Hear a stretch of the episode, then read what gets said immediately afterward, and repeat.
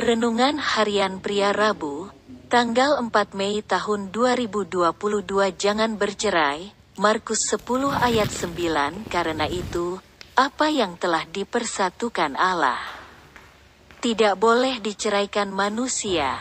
Perceraian sudah biasa terjadi di bangsa Yahudi sebelum Yesus datang ke bumi dan masih terus terjadi di zaman Yesus. Orang-orang Farisi datang kepada Yesus untuk mencobai Yesus dengan pertanyaan, "Apakah seorang suami diperbolehkan menceraikan istrinya?" Menurut ajaran dan adat istiadat orang Yahudi, hanya suami yang boleh menceraikan istrinya. Istri tidak punya hak untuk menceraikan suaminya. Awalnya Yesus memakai perintah Musa untuk menjawab pertanyaan orang-orang Farisi itu. Tetapi sayangnya mereka salah menafsirkan perintah Musa yang sepertinya memberikan izin untuk bercerai.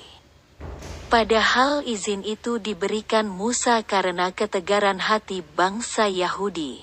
Karena dari semula, perintah Allah mengenai perkawinan adalah tidak boleh terjadi perceraian. Di zaman sekarang ini juga masih banyak yang memperlakukan perkawinan seperti orang-orang Yahudi pada zaman Yesus.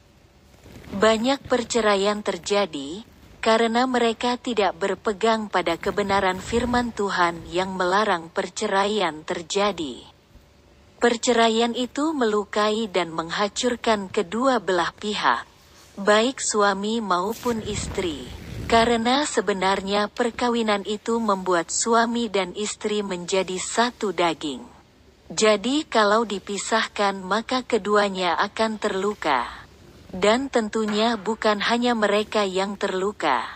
Tetapi orang-orang lain juga terluka, khususnya anak-anak mereka. Jadi bagi yang sudah menikah, mintalah pertolongan Tuhan untuk menjaga perkawinan.